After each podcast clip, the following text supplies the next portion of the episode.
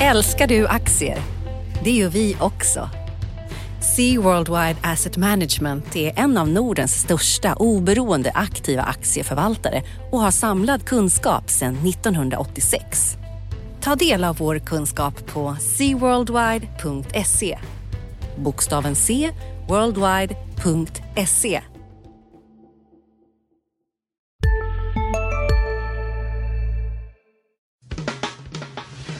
Analyspodden från Dagens Industri. Hej allihopa och välkomna till veckans avsnitt av eh, Analyspodden från Dagens Industris eh, analys, börs och makroredaktion. Jag heter Ulf Pettersson och mitt emot mig har jag Johanna Jansson. Eh, det har varit en jättehektisk vecka. Nyheter nog för två veckor. Ja det har det. Mm. Det måste vi prata om. Alltså Riksbanken och Deutsche Bank och kanske Tokyobörsen och, och Mikael Wolf. Och Mikael Wolf. Och eh, Meda, jättebudet på Meda. SSABs rapport här på morgonen. Eh, och sen så får vi prata lite om vad som händer nästa vecka också. Då är det ju det ja, precis. Det, det, det fortsätter. Ständigt denna Draghi som ska prata. Ja, och en massa småbolag på agendan. Jättemånga småbolag och protokoll från eh, Fed, senaste Fed-mötet i januari. Mm. Hur, hur, oroad är du? Är det för jag är inte så oroad. Eh, för börsoron tänker jag. Det är mycket oro i våra texter just nu. Ja, det är det. Mm. Ja, det kanske. Jag är oroad på 12 till 18 månaders sikt, men jag är ganska bullish som det heter på kort sikt här, för jag tror att börsen är ganska nedkörd nu och jag känns som att vi kanske kan få eh, stöd av centralbankerna än en gång, men det är bara en känsla jag har. Du kanske kan berätta lite mer vad som är på gång på det området. Men eh, inte jätteoroad, men jag brukar liksom andra sidan vara contrarian, så det är möjligt att man ska vara. Men det är kanske, det, och jag tycker ändå man ser, det, hittills har mycket tolkats negativt. Först var det negativt att dollarn gick så starkt så det skulle liksom köra den amerikanska liksom, ekonomin i botten. Mm. Sen stabiliserades dollarn. Mm. Då fokuserade man ännu mer på oljepriset, att det kommer liksom leda till så mycket konkurser i eh, olje och gruvindustrin. Mm. Nu har oljepriset stabiliserats men då är det annat istället. Nu då tänker man så här, ja men centralbankerna har nått vägs ände. Och sen när centralbankerna säger, men vi gör lite mera, då säger man, nej men det kommer inte vara bra för minusräntan är, det kommer driva ner allting i toaletten ändå. Ja. Så det har varit väldigt mycket, allting har tolkats väldigt mycket negativt. Mm. Så det kanske är dags för en, de som är lite motvallskärringar då, mm. att komma in. Och... Ja men det håller jag med. Det, det är ett uttryck som inte vi har skrivit om, för det får vi nog inte göra eftersom vi eh, har en stilistisk nivå också. Men risk on är ju något sånt där som man kan läsa om. Att nu är, det liksom, nu är folk riskaverta. Eh, nu gillar man ingenting som kan röra sig och då blir det som det blir. Mm. Men om vi tar det här som jag följt liksom lite på avstånd. Deutsche Bank och, och, den här bankkrisen och de stigande obligationsräntorna nere i... Precis, men det är ju ett exempel på det här som du säger. Riskaverta placerare, de flyr det som är volatilt och osäkert och man plockar bort de ruttna äpplena från korgen om man får säga mm. så. Och det syns eh, i de då bankerna, till exempel Deutsche Bank som har en, en av de sämsta kapitaltäckningsgraderna av de europeiska bankerna. Mm. Och då har man varit orolig för helt enkelt att de inte ska kunna eh, betala räntor på sina, en viss typ av obligationer som de har haft utestående. Nu säger de att de kan göra det och det kan, kan de säkert också. Mm. Men det är liksom ett litet uppvaknande här mm. Eh, för de investerare som har köpt de här obligationerna. Och var har det här kommit ifrån, eh ser du? För det var inte något vi hörde för några månader sedan att liksom folk var rädda för att Deutsche Bank skulle liksom Nej men det sig. är väl det här liksom att nu när allting tolkas negativt då dyker det här upp. Alltså det här med Deutsche Bank har ju varit på tapeten ett tag för de levererade ett väldigt svagt resultat för fjärde kvartalet mm. och det visste vi ju redan för ett tag sedan. Och när man börjar titta på det så tänker man, ja men vänta när folk börjar räkna så bara, kommer de verkligen kunna liksom att hedra sina mm. åtaganden här under våren? Och då har de någonting, det som har hänt sedan finanskrisen kan man ju säga, det, det som var problemet med skuldkrisen i Europa och även krisen innan det, det var att när det visade sig att bankerna hade problem och fick ta stora smällar för bolånebubblor som hade byggts upp i Irland och Spanien, då vältrades de problemen i bankerna ofrånkomligen över på staterna. Mm. Som var tvungna att ta det för att det inte skulle bli en bankkris och för att inte småspararna skulle få stryka på foten när, mm. om banken gick omkull. Man ville inte upprepa Lehman helt enkelt. Mm. Men då, då, då liksom rullade man ju bara över den här surdegen till då svaga stater som då fick problem med sina statsskulder istället. Och så hade man den här skuldkrisen igång. Just det. Sen dess har man liksom jobbat från myndighetshåll för att försöka se till att det här inte ska landa i skattebetalarnas knä igen. Nej. Och ett sätt att göra det är att man har hittat på nya sätt för de här bankerna att Dels vill man att de ska stärka sin kapitaltäckningsgrad och man har alla de här regleringarna. Men man har också hittat då nya sätt att, för dem att låna upp på marknaden. Till exempel som då, inte, som ska, då ska göra så att investerarna lättare tar en del av smällen om det är så att det kommer en smäll. De här kokosobligationerna exempelvis. Kokos är en sån, precis. Är, eh, vad var det nu vi sa? Att det, det är contingent, vad heter det? Det är i alla fall en förkortning för eh, en villkorad konvertibel. Precis. Helt enkelt. Och villkor, det är helt enkelt så här. Banken kan låna upp kapital men om banken stöter i ett tröskelvärde för sin kapitaltäckningsgrad då omvandlas den här räntebärande pappret till aktiekapital istället. Just det. Så det blir en mer riskfylld typ av obligation. Och det som händer nu är att ja, investerarna inser att de köpte någonting, de visste att det var riskfyllt och nu när det visar sig att det är lite riskfyllt då backar man. Ja, och jag skulle så det, säga- det är liksom inte så det- konstigt det- det Det- det- slags- De fungerar precis som de ska. Ja, de fungerar som de ska fast, fast ändå inte riktigt. Alltså jag tyckte när det där dök upp då 2011, jag vet jag pratade faktiskt med eh, eh, Mikael Wolf om det där någon gång. Vi satt och pratade om kokos. Jag tror inte de införde några sådana där. Men jag sa, men det där är väl inget, inget dåligt instrument att man vet att det blir eget kapital om det går dåligt. Då slipper man ju göra en nödemission för då har man liksom gjort den automatiskt. Ja, han, men han tyckte ändå det var krångligt. Att, och det kanske han hade rätt i för att det som händer nu det är att de som har köpt sådana här kokosobligationer har ju fått en ganska bra ränta relativt annat för Mm. att det har varit det här riskmomentet med att det kan bli ett eget kapital av det eller aktiekapital. Mm. Och Och det nu har funnits det, en jakt på avkastning medan räntorna varit låga. Ja. Så att folk har gått in i det här. ja, och sen så har nu ser de att oj, det blir, kan bli liksom aktiekapital av det här och det vill vi absolut inte ha för vi är ju liksom ränteförvaltare typ. Men Så sen då, är det också så att de här kokosobligationerna, utan att, liksom, att det blir problem så kan man också säga så här, vi kan inte betala räntorna på det här just nu. Och det, det finns med liksom. Det är öppet när man går in i det här. Mm. Och, och det är väl det man har varit orolig för nu i Deutsches fall. Inte så mycket att de ska slå i de här tröskelvärdena utan att de inte ska få ränte... ja, just det. Det är lite som, en, kupongutbetalningarna. lite som en preferensaktie, där kan bolaget Ja. själv bestämma om man ska Ja. betala utdelning eller ränta. Men varför tycker du inte att de är bra? Menar du att det är för komplicerat? Är det inte bra att... Jo, det är bra att man vet. Det är, det är en buffert, liksom, går, det, går det dåligt så kommer liksom... Men det är klart att det är väl bra om investerarna också vet vad man köper så det inte blir den här... Alltså man återigen tycker jag att man Men menar har du liksom, att de inte visste det? Läste de Jo, inte det jo de, de visste eller? säkert det men det var ju inte därför de köpte. De köpte ju inte det för att köpa aktier någon gång när det går Ja, jättedåligt. men då utan- läste de ju inte pappren ordentligt. De, de tog väl en risk som de inte är beredda att stå för nu liksom. Ja, men vad ska man säga? Det som är det positiva ur ett, liksom ett helt samhällsekonomiskt perspektiv är att det drabbar inte skattebetalarna som inte medvetet har gått in i någonting utan det och- drabbar någon som faktiskt hade en möjlighet att välja. Ja, precis. Och, och, då för banken är det bra för de får ju liksom automatiskt kapital ju sämre det går. Så det ju, Och det här är ju inte någon, för ibland så tänker man sen när man hör sådana här förkortningar att, folk reagerar som, "Jaha, här kommer en sån här konstig placeringsform, en förkortning som man inte förstår sig på. Det här är ju inte något sånt. Det här är Mm. inte någon, liksom, någon bolån som de här eh, paketerade bolånen i USA eller något sånt här, utan det här är liksom ett ett sätt för banker att låna upp pengar som, reflekterar, som bättre reflekterar den risken det innebär att låna ut pengar Ja. till en bank. och vid olika, olika status då. Om en Ja, bank är väldigt solid så kostar det lite pengar. Är den insolvent eller en, på Så väg får man mot en mer så, för att låna ut till Ja, den. precis. Så är det.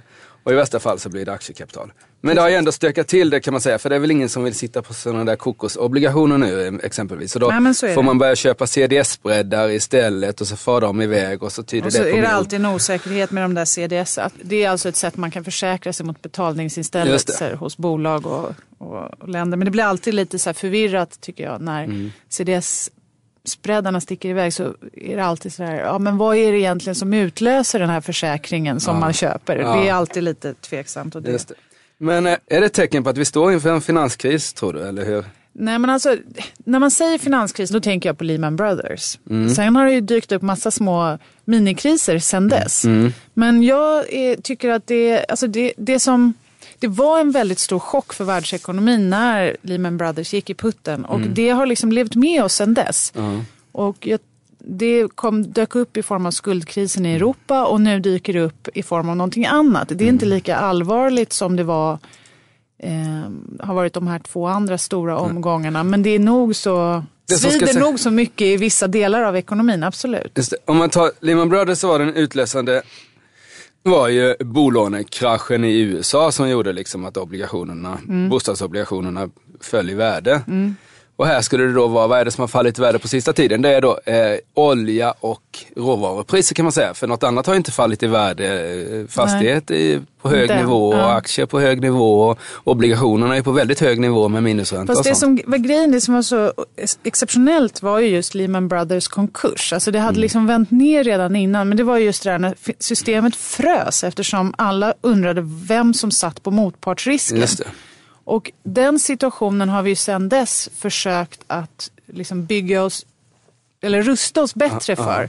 Så systemet är bättre riggat, till exempel mm. med sådana här kokos då ja. faktiskt, än vad det var då. Och mer kapital i bankerna. Mer ändå. kapital i bankerna, deras kapitaltäckningsgrad är ändå bättre och man mm. har de här bankövervakningarna, de är inte perfekta och det är förmodligen mm. så att det finns för många banker i Europa, mm. givet liksom storleken på kapitalmarknaden och sådär. Så, där, så men spridningseffekterna behöver inte bli lika stora. Men alltså minnena av Lehman Brothers och skuldkrisen gör ju att vi, nervositeten ökar mer. Mm. Men samtidigt kan man säga att erfarenheterna från de här kriserna ändå gör oss lite bättre rustade för mm. att ta den här mm. vad, vad, Hur tror du de resonerar då? Eh, centralbankerna här, vi hade ju Fed, eh, Janet Yellen var ute i, i veckan och pratade inför kongressen var det väl. Eh, och i nästa vecka är det Draghi här, ECBs eh, e chef då. Mm.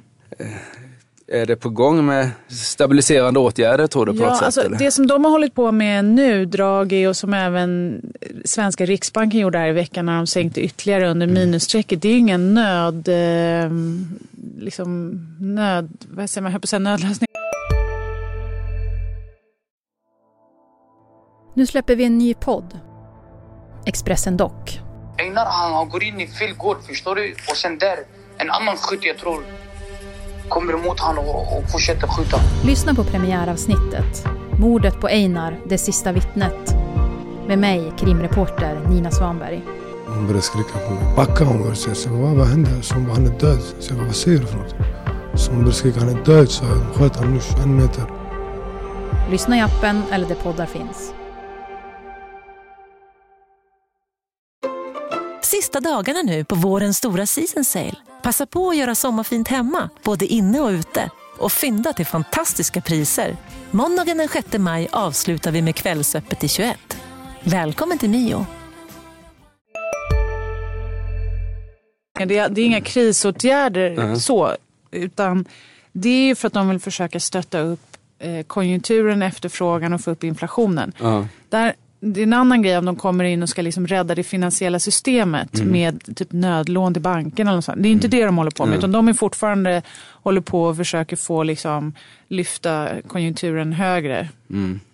Man kan verkligen ifrågasätta om det behövs i Sverige. Men ja, det är lätt att vara kritisk mot Riksbankens senaste beslut. Men är, är du det också? Är... Jag tyckte att de gjorde rätt som började. Uh -huh. När de började sänka. Jag tyckte det var rätt att sänka till minusränta. Men jag tycker att de har eh, tagit i för mycket här, särskilt senaste halvåret. De hade kunnat pausa utan att skämmas för det. Mm. Men jag tror att de också, de är rädda, det är ett sånt otroligt fokus om man pratar om att de liksom ska sänka värdet på kronan. Och så här, nu är kronan mot euron på samma nivå som det var innan räntebeskedet. Mm. Men det handlar ju framförallt kanske om att de vill mota eventuella kapitalflöden från Europa i dörren. De vill inte ha in dem hit till Sverige. De, det skulle kunna destabilisera den svenska ekonomin om vi liksom, när ECB drämmer på med stimulans, att det liksom sköljer över oss mm. och in i våra, vårt banksystem. Så det är det de håller på med mm. mer. De vill sätta upp en liten stoppskylt vid svenska gränsen. De vill gränskontroller även för kapitalet. Liksom. Ja. Ja. Men som sagt, det här, liksom, den här oron, det smittar ju av sig även vi har svenska SSAB, nu blev det ingen nyemission men de Nej. har ju också sett sina lånekostnader sticka iväg. Ja det har de. Och nu har de ju lyckats då. Det var ju diskussionen, eh, skulle SSAB här på morgonen eh, meddela en, nyemission av det större slaget, kanske 10 miljarder eller något. Men men så blev det inte och anledningen är att eh, de gör förlust SSAB och det är dåligt och till och med deras eh, bästa gren då, specialstålet, går dåligt. Men i en nedgång så funkar ju faktiskt bolagen till en början så att man säljer från lagret, man producerar mindre, säljer från lagret, får in kapital. Så det är ju eh, så man binder ju mindre kapital vilket har gjort att kassaflödet var riktigt bra under fjärde kvartalet. Så de har eh, då lyckats amortera av en del skulder här. Det där är ju inte, du kan inte leva på att sälja från lagret hela tiden för till slut tar lagret slut men det går ett tag till här. Eh, men blir det en nyemission sen ändå? Nej, de, SSAB säger själva att i deras basscenario så kommer de klara sig och att de har bra kontakt med banker och sånt där. Jag tror det kan komma en nyemission men kanske liksom på andra sidan halvårsskiftet eller något sånt där. Vi får väl se lite. Å andra sidan ska man, ska man göra en nyemission ska man, göra, ska man förekomma marknaden lite grann. Det är som ett räntebesked lite grann. Att man, normalt sett man ska liksom, för att få effekt så ska det vara lite oväntat då på något sätt. Eller ska man, det är inte bra om det går för länge den här diskussionen. Men nu har de fått bort den här nyemissionsdiskussionen lite grann och aktien är ju upp kraftigt här. Jag, om de visar att de kan spara så kanske de får lite bättre lånevillkor om de väl kommer ut? Ja, eller? precis och sådär. Och det är klart att eh, de ingår ju fortfarande i industrivärlden, handelsbanksfären, så det är ju, de har ju goda kontakter med banken så att säga. Så det, det, är väl inte kris på så sätt. Men de tror de ska klara sig undan nyemission. Jag är inte riktigt säker. Jag tycker på att det här positiva kassaflödet vi såg i den här rapporten är av temporär natur lite grann. Så jag, SSAB, jag tyckte inte det indikerade någon vändning i rapporten men det var väl bra att de inte behövde pengar idag kan man säga. Eh, och sen har vi haft andra stora, stora händelser på börsen. Meda är ju en sån där som, ganska okänt bolag tror jag bland gemene man, men ändå visar sig att det är det näst största budet vi har fått någonsin på ett svenskt börsnoterat bolag som har gått i hamn då efter Scania. Till och med det, och för beloppet var? 60 miljarder. Mm, det är pengar. Och de har ju försökt, de där två mylande amerikanska bolagen har försökt köpa Meda under ett par års tid och nu lyckas de då. Det kan man väl det beror säkert på att medaktien har gått så dåligt sista tiden så att nu blev budpremien tillräckligt, tillräckligt hög för ja. att de storägarna skulle acceptera den. Det var ett skäl. Ett annat skäl som vi skriver i tidningen är att Stena-familjen då Olsson kan behöva lite pengar för de är ganska insyltade i, i oljeriggsverksamhet och sånt där som inte är så kul. Är det en bra affär då?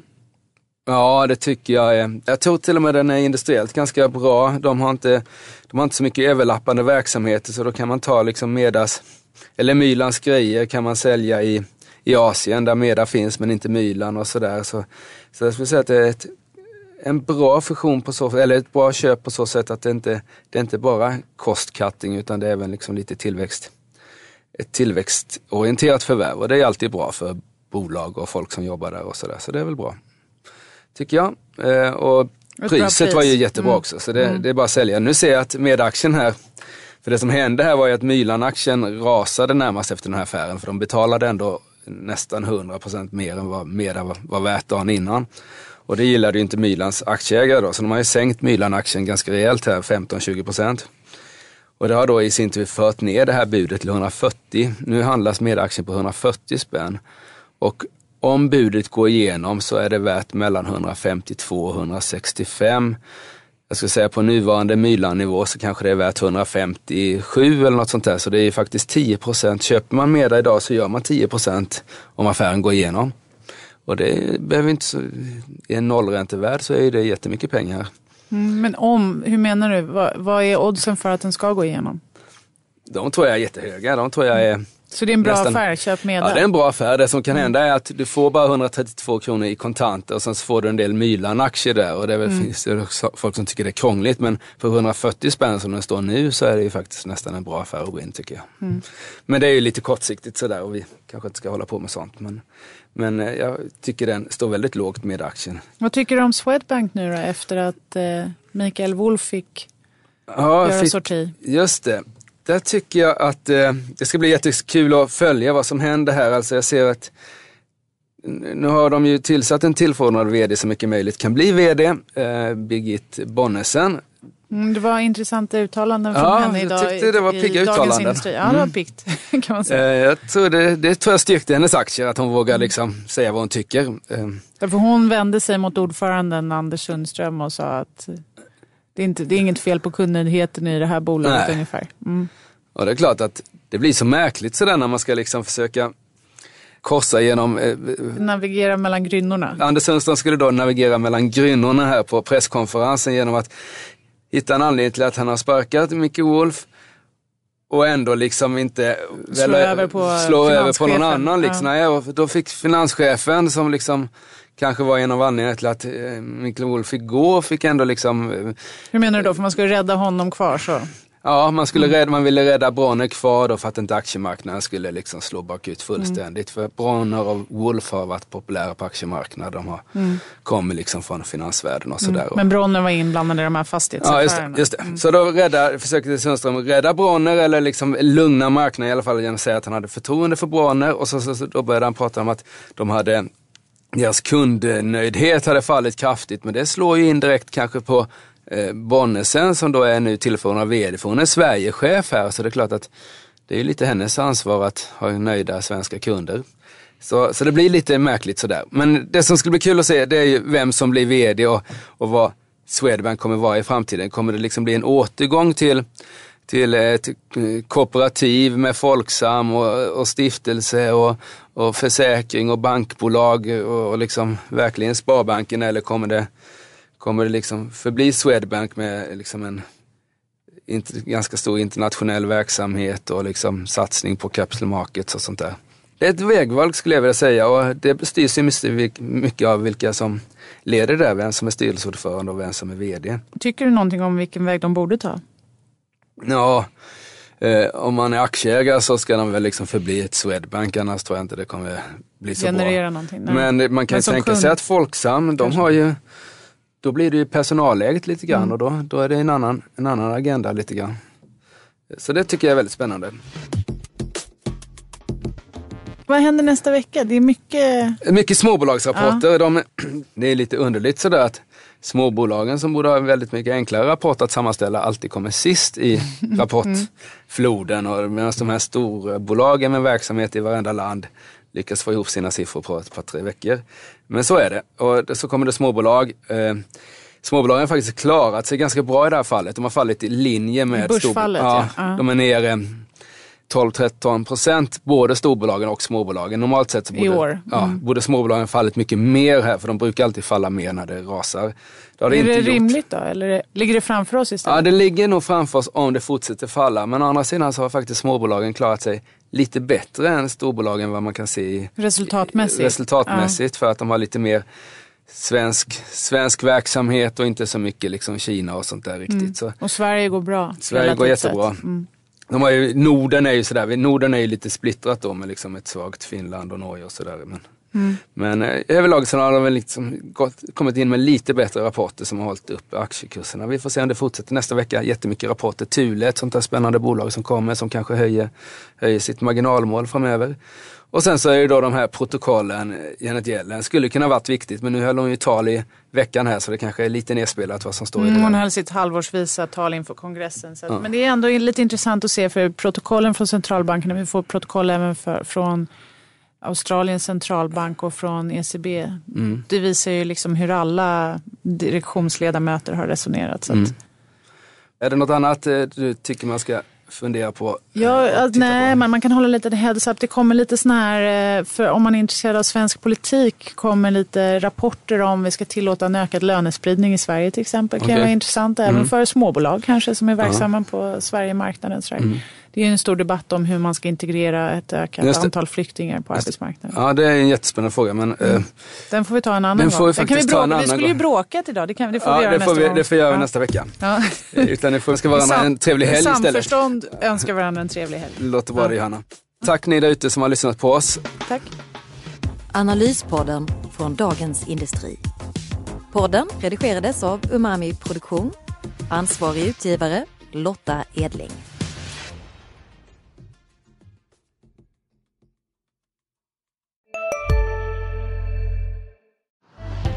Älskar du aktier? Det gör vi också. Sea Worldwide Asset Management är en av Nordens största oberoende aktiva aktieförvaltare och har samlad kunskap sedan 1986. Ta del av vår kunskap på seaworldwide.se. Bokstaven C, worldwide.se